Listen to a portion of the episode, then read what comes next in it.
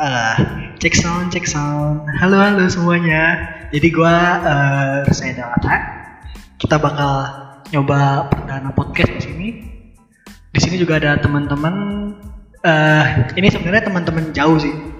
Ada dari Bandung sama dari Bogor. eh mungkin bisa perkenalan. Halo, saya Ria. Eh, umur saya 21 tahun. Tua ya kamu ya. Terus satunya lagi di sini ada bapak-bapak yang sudah karirnya dia sebenarnya lebih profesional daripada kita dalam dunia pekerjaan. Mungkin ntar kita bakal bahas eh, lebihnya. Mungkin sekarang perkenalan dulu sama siapa di sini? Saya Artian dari Bogor, ya.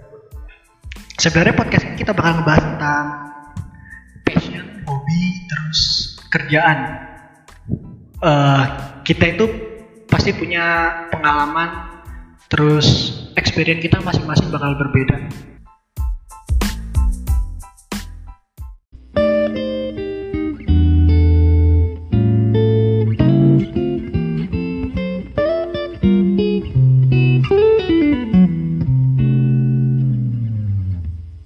Jadi eh, passion itu apa sih? Kalau menurut eh, gue pribadi kan passion itu aktivitas atau kegiatan yang disukai, terus dianggap sangat sangat penting buat kebanyakan orang. Terus mereka juga eh, mau nger- eh, ngerelain waktunya, investasiin tenaganya, terus aktivitas eh, aktivitas-aktivitas itu bikin mereka eh, ngembalin mood gitu loh, mood mereka. Kalau buat lu sendiri tuh gimana? Arya, kalau nggak Aryan ada tambahan lagi nggak tentang passion ini? Stop. Arya dulu aja. Eh, Kalau- passion itu di mana tidak mungkin kan hal sehari-hari kerja itu. Nah, jadi lu lu seneng gitu ya sama kegiatan itu? Ya, karena kita punya passion. Karena kita, wah itu pelarian lah kasarnya. Passion. Kalau lu Aryan? Passion atau passion dan hobi itu kayak dua hal yang berbeda Iya betul betul betul. Ntar kita juga mau bahas tentang itu tuh. Kalau lu gimana tuh? cuman kalau passion ya itu apa ya kayak passion berubah-ubah setiap saat tergantung tergantung kayak tergantung kebutuhan juga hajat hidup manusia kan tiap suka berubah-ubah juga kan Betul. Pola pikirnya juga berubah ya.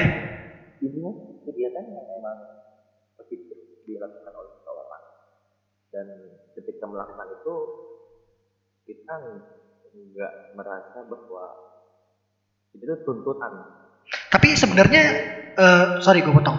Sebenarnya itu passion itu eh, bikin energi positif buat kita sendiri apa apa harus harus ada energi positif buat orang lain? Apa emang buat kepentingan kita sendiri, buat hobi kita? jadi dua-duanya bisa kita itu Eh, tergantung memang tujuan dari hidup lu tuh ngapain pengennya gitu. Hmm. kayak buat eh, ambil contoh prinsip hidup gua prinsip hidup gua kan yang penting gimana caranya sebaik-baiknya manusia ya manusia yang lebih baik eh, manusia yang bermanfaat yang bermanfaat. Nah dari kata-kata simpel itu lah jadi turunan-turunannya banyak. Kita bisa membantu kamu bukan hanya emang kita ngasih atau kalau si youtuber youtuber yang ada sekarang apa giveaway giveaway gitu Ah. cuman kalau bagi gua yang bermanfaat gimana sustainable gua tanpa perlu terus kita ngasih gimana gimana caranya Gue jadi inget kata-kata ini sih. Apa? Ada kata-kata dari podcaster lain. Dia ngomong gini, passion is for you, purpose is for other. Jadi eh passion itu kalau tujuannya gak ada elemennya, skillnya di mana, terus kebermanfaat orang lain, ke, kebermanfaatan buat orang lain yang gak ada, terus lu nggak lu nggak dapetin income dari situ tuh kata mereka tuh itu bukan passion. I- itu tuh kayak ya itu hobi lu doang karena lu nggak ada nggak ada manfaatnya lu nggak ada manfaat di di situnya gitu loh. Jadi jadi eh, kesimpulannya sih kayak kayaknya ini kita itu eh, ditunggu buat memudahkan orang lain ngerti gak jadi kayak kayak gimana sih kayak ya emang kita harus ada manfaatnya gitu nggak sih buat orang lain dari passion kita Iya, mungkin yang lu apa? Yang maksud adalah kalau misalnya hobi itu diri sendiri aja cukup. Hmm. Kalau passion itu harus memang melibatkan orang lain. oh ya ya ya ya ya kalau kalau hobi bisa buat diri kita sendiri aja ya Kayak, kayak contoh lah gua hobi buat gua pribadi gitu. buat kesenangan. Nah, kalau kita kita masuk ke situ tuh, gue mau ngasih dua tipe-tipe passion. Jadi passion itu kalian tahu nggak sih ada ada dua bagian gitu tentang passion harmoni sama passion obsesi. Baru dengar. Lu ya baru dengar ya? Jadi passion harmoni itu eh, aktivitas yang lo abisin yang bikin lo senang, terus semangat, munculin energi positif buat lo.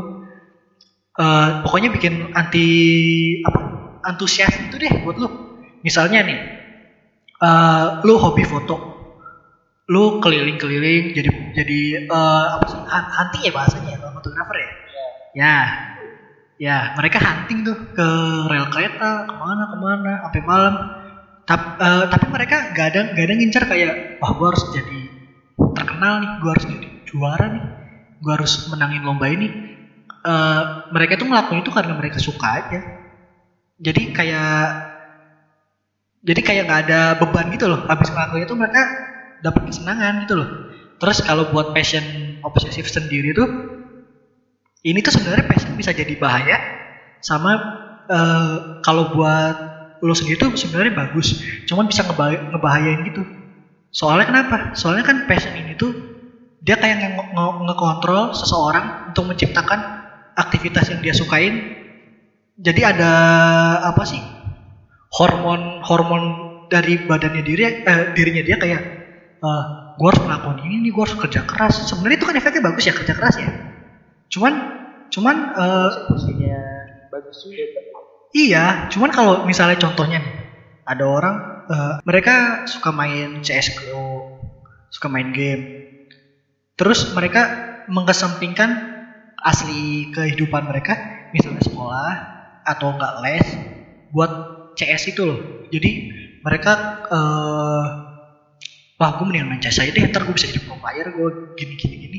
Cuman sebenarnya itu bagus mereka ada tekad ada tujuan cuman eksekusinya itu salah. Mereka mereka nggak ngerti eh, apa poin-poin mana yang harus dijalanin mana yang bagi-bagi waktunya gitu mereka nggak bisa. Makanya itu disebut obsesi. Mana kebutuhan, mana keinginan.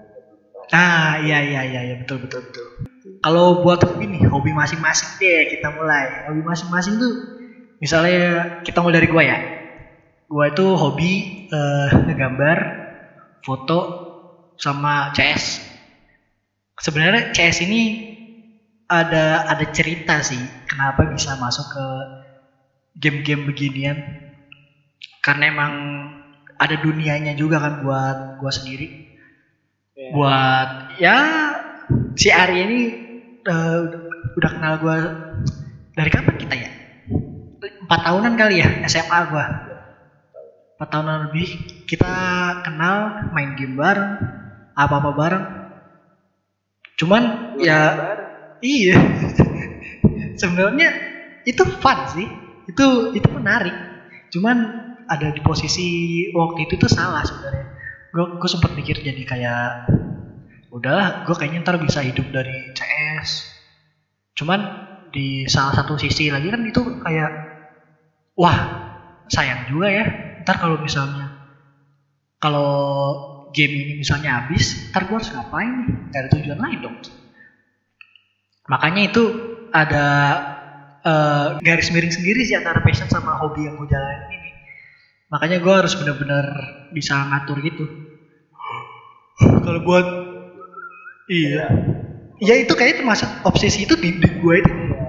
Itu kayaknya obsesif DJ itu gua. Gua nggak bisa ngebohongin itu gue sempet mikir gini loh. Apa? Sekarang kan banyak influencer terus banyak eh, apa selebgram dan lain sebagainya gitu. Di sosial media. Ya what what if gitu what if there is no YouTube? Ada hmm. Twitter. Boom langsung nggak ada. You are nothing man. Lu nggak bisa ngapa-ngapain. Tapi kalau mereka mereka itu bakat ya sih Yan? mereka kan eh, bisa ngomong di depan umum. Entertaining. Ya Eh, tapi sisi lain eh, cara influence mereka itu yang beda-beda itu loh yang bikin dampak dampaknya berbeda juga ke pengikut mereka bakat sih kayak bakat itu kayak kan gitu ya. hmm. kebanyakan di manusia-manusia yang sukses itu dia yang menekuni satu bidang dan mendalam di situ. Gua setuju. Gua kasih contohnya deh. Iya. ngobrol sama. Nam- namanya Dedi Darman. ya Ya. Waktu, waktu itu gua kan belum tahu siapa Dedi Darman. hmm. Pas ngobrol langsung ternyata blow your mind. Jadi gua itu baru tahu istilah-istilah kayak yang sekarang apa yang sekarang booming kayak cluster cluster gitu sebenarnya si Denny Darman udah menemukan dari dulu jadi preferensinya dia itu gua melakukan apa yang gua suka bukan hobi ya Hmm. Kegiatan yang gua kegiatan ya? Ngedesain. Dia nge- ngedesain sama surfing tapi pada masa itu surfing kalau surfing lu tuh harus pakai eh, outfit yang emang kayak wear pack segala macam gitu. mas di di Dharma itu nge-up itu semua. Gua pengen gua surfing tapi pakai baju ala kadarnya. Apa apa yang ada? Yang nyaman di gua pakai Ya, oh yang nyaman. Itulah itu perpustakaan itu. Itulah yang namanya culture. Hmm. Lu, lu tahu dulu apa mindsetnya orang kalau biker itu harus pakai jaket kulit. Iya. Terus stereotip stereotipnya itu biker kan seperti itu. Hmm.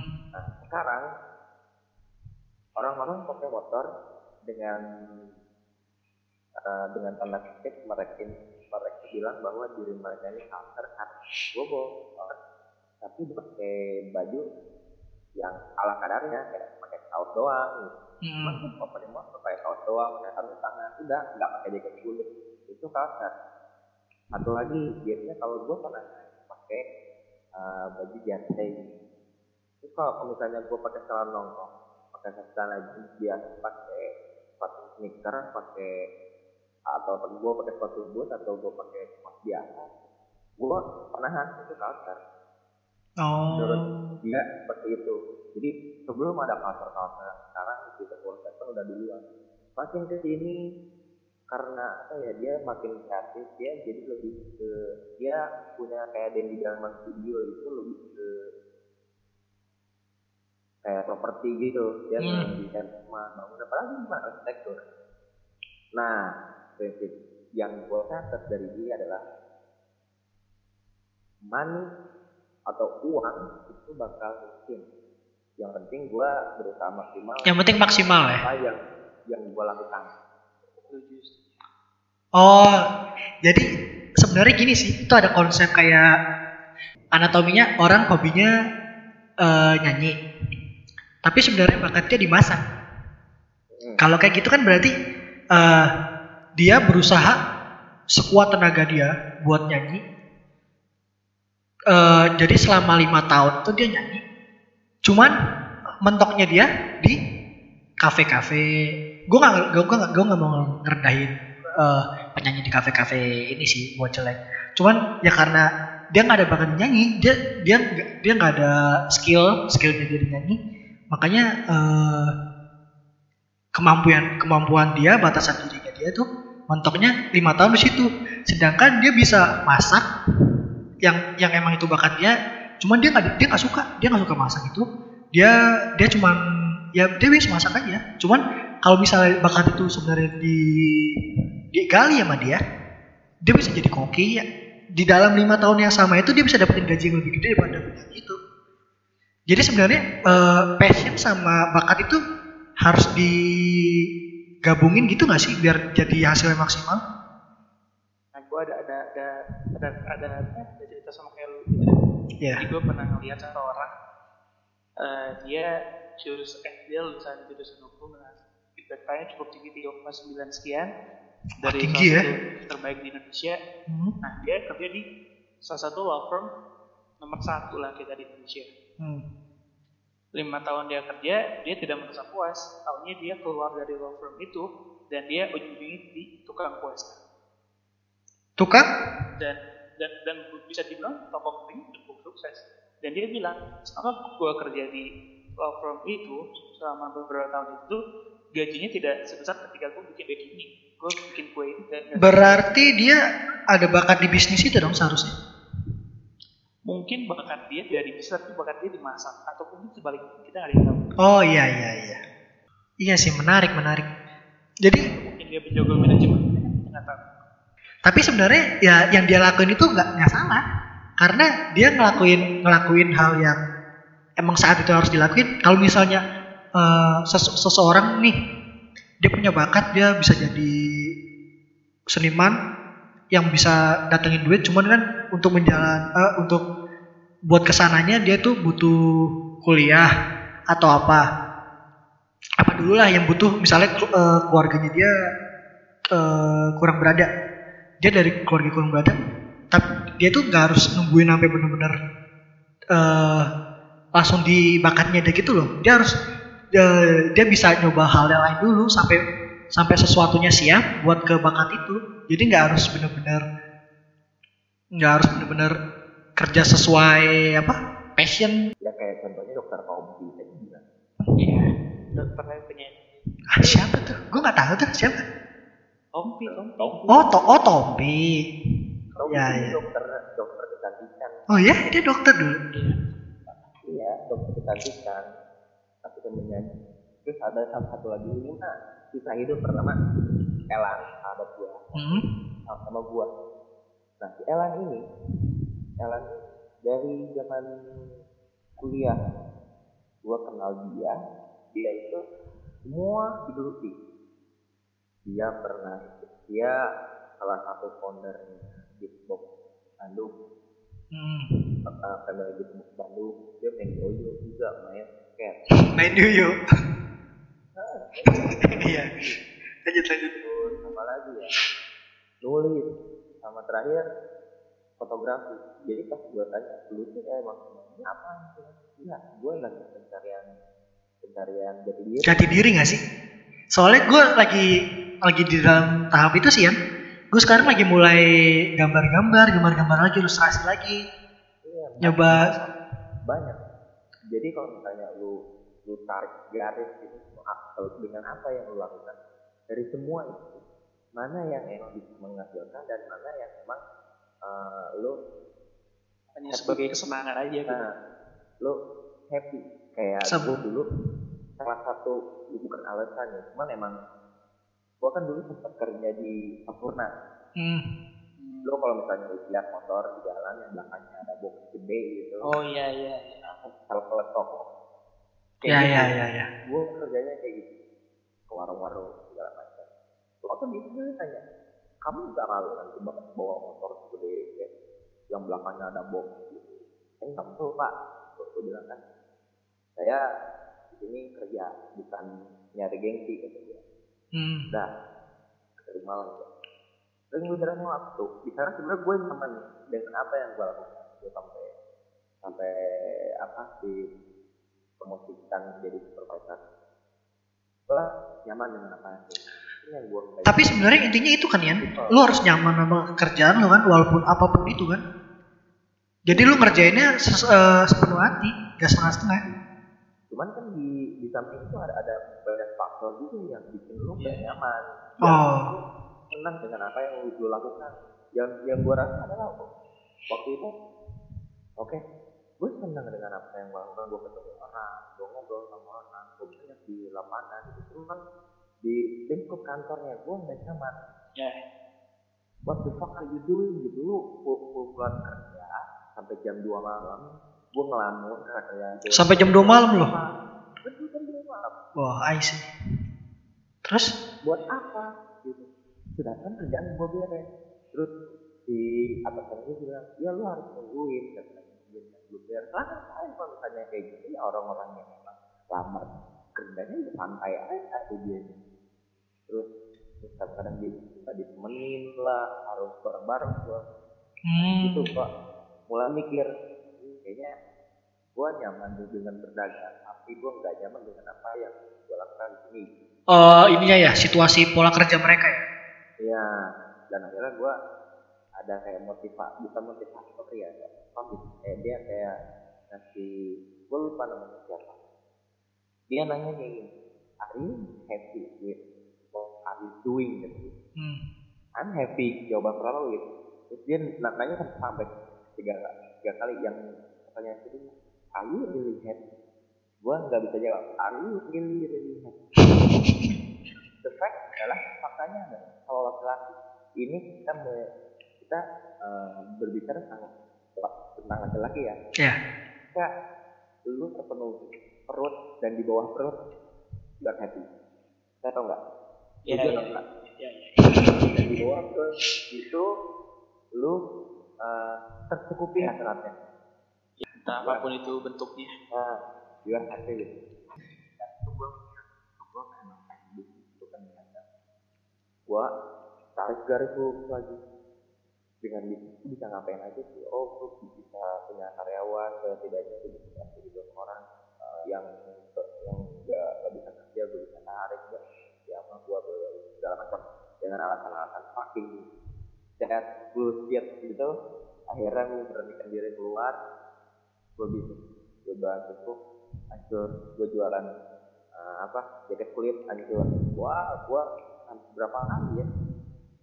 Lima kali enam kali sudah hancur semua sampai terakhir gue dagang kopi Hmm.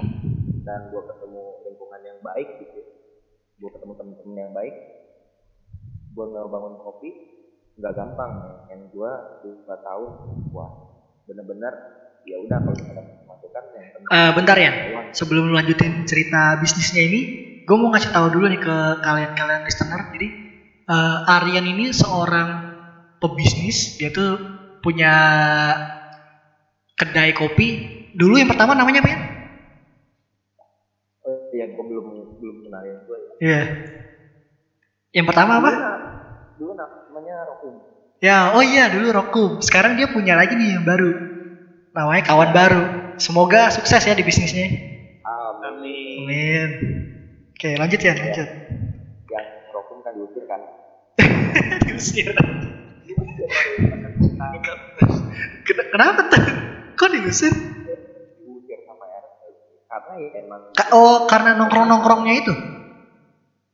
di perumahan dan dan emang gue nggak nggak punya izin gitu. Gue main paksa buka aja. Oh, jadi itu posisi tempatnya di perumahan gitu. Iya di perumahan. Hmm. Jadi pembelajaran ya guys. Mm, di perumahan pemaksa buka. Nggak. Tapi saat itu sebenarnya lu sukses ya? Cukup sukses nggak? Eh, cukup sukses nggak di kopi lu itu? Oh, buat mungkin rame. sukses sukses itu kan bertahap ya Iya.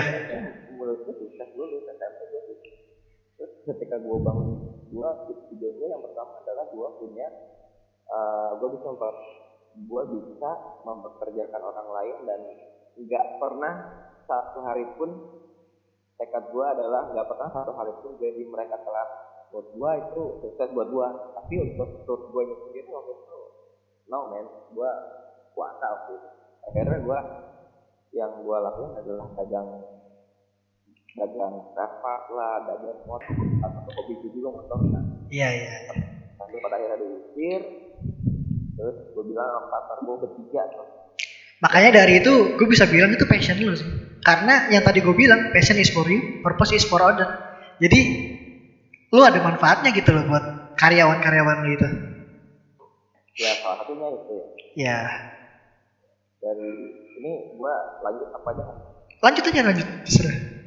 ya terus gue ketemu terus gue nanya ke dua temen gue ini. yang satu emang dia udah fokus kerja di Ngawi mau oke kata gue yang satu lagi mau katanya mau bikin lagi gue gue bilang sama temen gue yang nanti tanya Bud pertama gue nggak punya duit buat bikin coffee shop yang emang yang emang apa ya yang emang when yang yang yang proper gitu di luar dengan saingan-saingan A B C Karena emang nggak bisa dipungkirin sih ya kopi shop sekarang tuh banyak banget ya.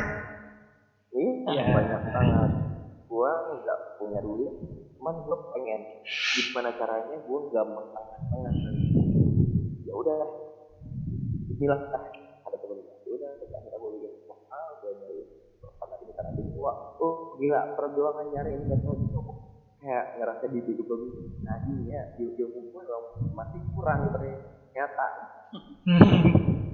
Dapat buat meyakinkan mereka nanti kalau lu gimana nanti kalau aku segala macam sih gue mikir lagi gue gue disusul lagi sama alhamdulillah ternyata emang yang gue rasa bukan bukan apa ya bukan gue yang menjadi lebih baik bukan. Yang gue rasain adalah kayaknya ini itu gue dimudahkan aja sama Allah. Akhirnya doa gue terjawab gue dapet investor gue ngebangun ketika kamu ngebangun ada lagi problemnya corona. Gue gak bisa iya ya, selalu ada ya. gue ngobrol-ngobrol sama yang itu juga. Lagi bilang boy itu badai. Jangan dilawan badai. Nanti aja dulu.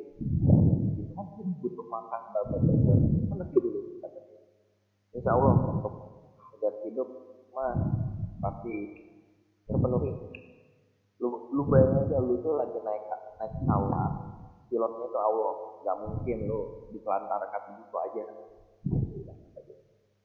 udah akhirnya gue ya bisa gue lakukan karena tawakal seperti itu bapak-bapak kalian masih muda. Cukup menginspirasi ya buat kita.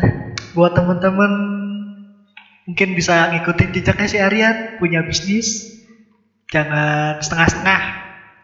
cuman banyak yang emang apa yang emang nanya ke gua. Apa? Banyak emang yang nanya ke gua. Gua pengen jadi pengusaha segala macam. Gua pengen jadi pengusaha pengusaha A B C. Gua cuma bilang satu. Nggak gampang. Jadi sebenarnya titik balik lu tuh di apa? Kerjaan yang pertama lu itu itu ya, yang apa? Rokok itu, Sempurna, sempurna. Sampurna. ya ya ya Jadi sebenarnya titik balik lu itu pas di kerjaan di Sampurna tadi apa gimana sih? Kenapa lu bisa bi- eh, yakin banget eh, lu bakal narik garis kalau gua itu pe- pebisnis gitu? titiknya masih zaman gua kuliah sebenarnya Lu tuh kuliah apa sih? kuliah lama enam tahun 6 tahun. gua kuliah lama enam tahun sampai waktu dari interview juga ditanya ini kamu kuliah enam tahun lulusnya di luar empat tahun gitu enam tahun kelas.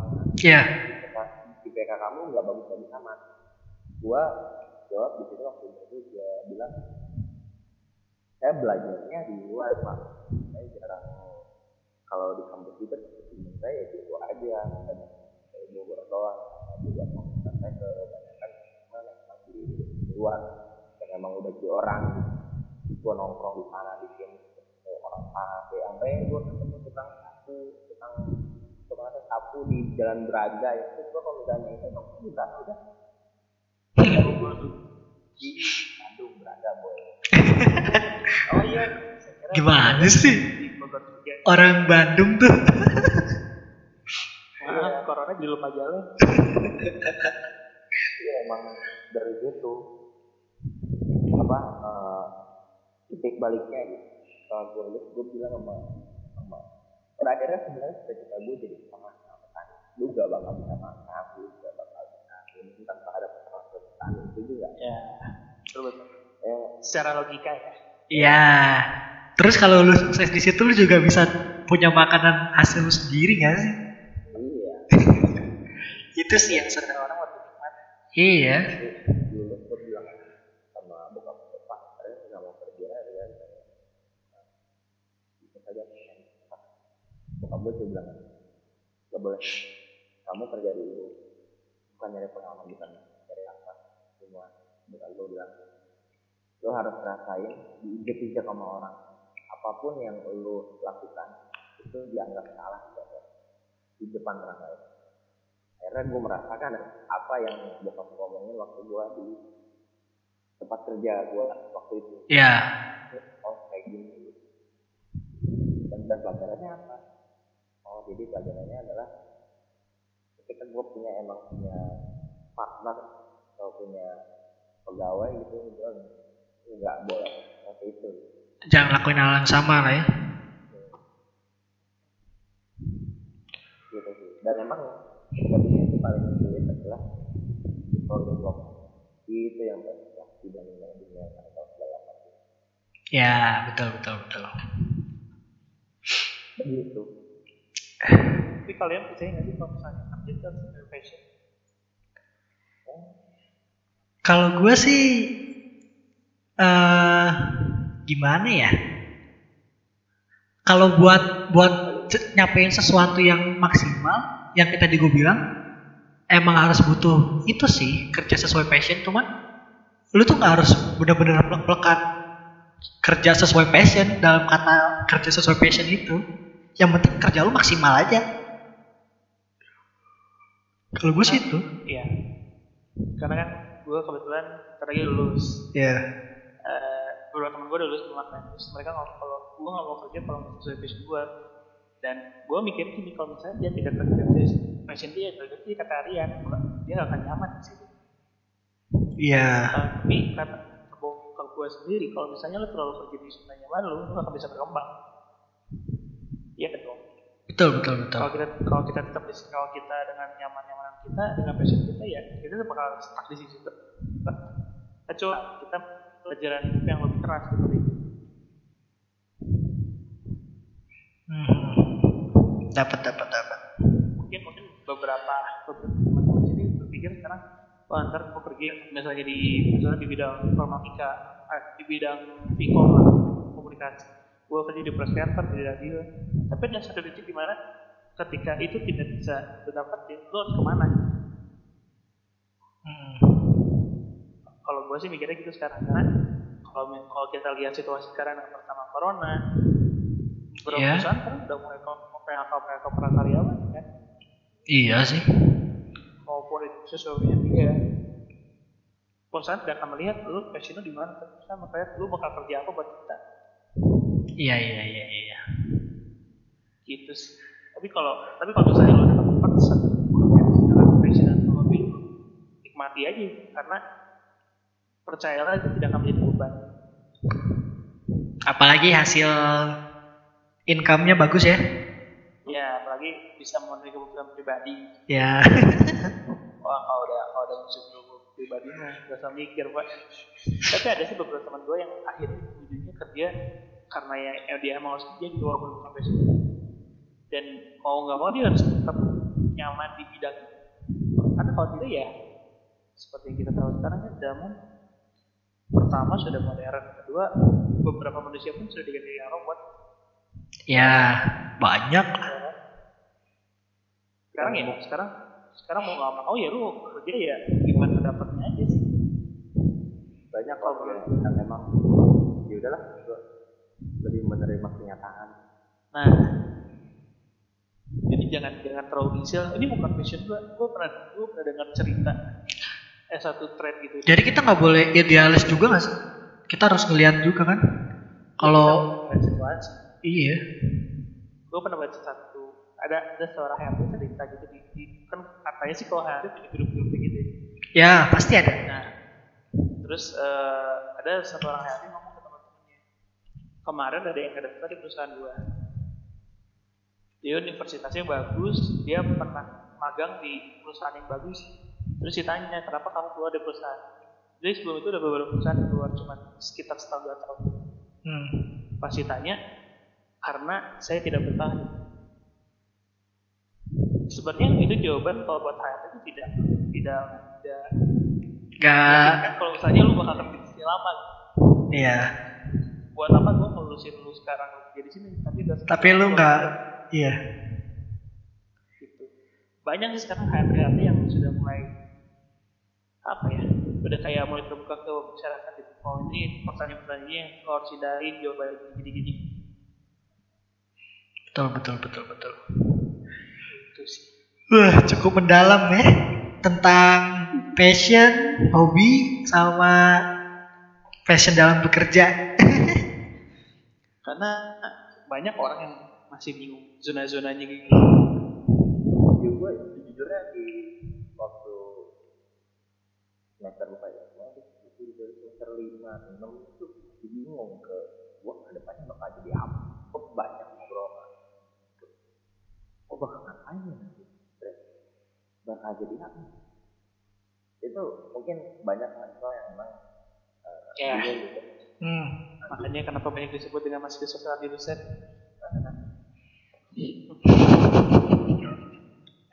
kayak gue aja gue gue masuk hukum gue sekarang hukum Tapi lu ada ada minat sih tuh? Apa karena orang tua lu backgroundnya hukum? Makanya lu Orang ngikut? tua gue backgroundnya jauh dari hukum Hmm. tapi gue dulu masuk hukum karena gue berpikir bahwa nggak tahu sih pemikiran anak kecil hukum kita terlalu kacau dan Lu pengen- memperbaiki itu Amin. Semoga ya. Amin. tapi karena tapi karena gue kan waktu di kuliah dulu sama organisasi dan ya organisasi kan banyak kegiatan gitu. Ya. Gue sempat di satu titik ketika gue lulus gue mau jadi IO Iya. pernah gue karena karena gue tipe orang yang bukan bukan bukan depan komputer gitu loh. Hmm. Gue tipe orang yang mendingan gue capek ke mana-mana daripada harus depan komputer seharian. Tapi lu udah tahu resiko-resikonya yang bakal lu laluin itu kan? Misalnya, iya. Maksudnya kan kalau IO kan tidak tidak tidak pasti ya. Terus ah, itu satu. Terus yang kedua, dia juga lu harus harus apa ya? Ngetrit sesuatu itu dengan baik biar biar hubungannya jalan. kayak gitu lah sekarang tuh juga belum tahu mau kerja yang tapi banyak sih kalau kalau kalau lu ngelihatnya masih sama mahasiswa di Indonesia sekarang pas sudah mulai mulai dekat-dekat semester akhir mereka baru sadar gitu.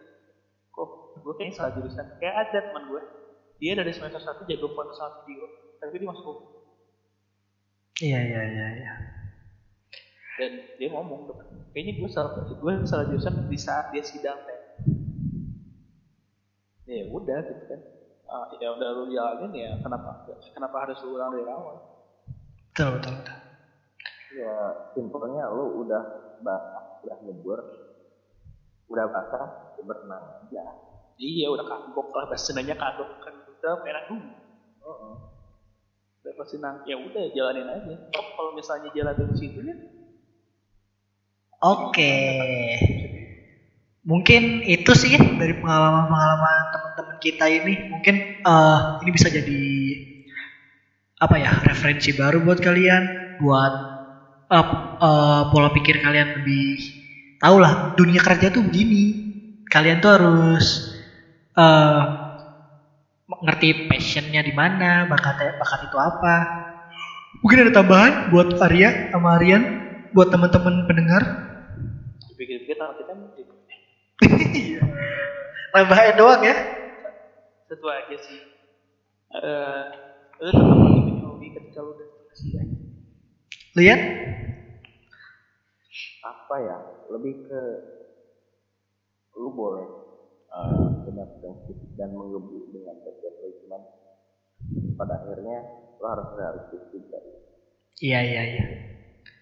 Kalau gue sih balik yang pertama tadi ya, passion is for you, purpose is for others. Jadi lo harus ada manfaatnya buat orang lain. Kesekian dari Itu sih, itu sih dasar manusia ya. iyalah. Emang kita harus ada manfaat sih buat orang. Iya. Oke, sekian podcast dari kita. Semoga ada manfaatnya buat kalian yang yang baik-baik didengerin. Eh, nggak baik ya lewatin aja lah. Kesekian gue dari eh, gue Adha Eh, dan teman-teman gue sini. Uh, undur diri. Terima kasih.